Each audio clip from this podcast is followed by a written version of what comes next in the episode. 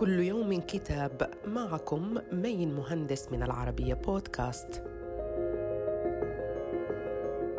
نتناول اليوم كتاب أجمل شوارع العالم التاريخ الاجتماعي والسياسي للشانزليزيه للمؤرخة والباحثة الفرنسية ليدفين بانتينيه تلقي الضوء فيه على دور شارع الشانزليزيه التاريخي مستعرضة التحولات التي مر بها عبر الزمان واعتمدت الكاتبة على أرشيفات ثرية متنوعة ونادرة كما أجرت عدداً من اللقاءات والحوارات مع شخصيات رفيعة المستوى.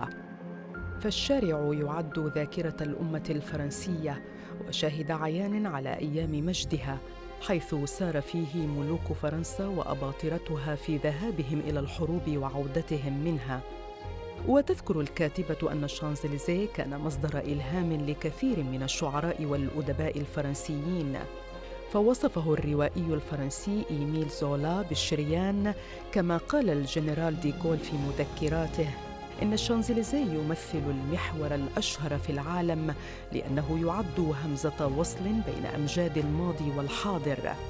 بينما ذكر الروائي بالزاك أن للشانزليزيه صفة إنسانية تلهمنا بأفكار خاصة واستثنائية.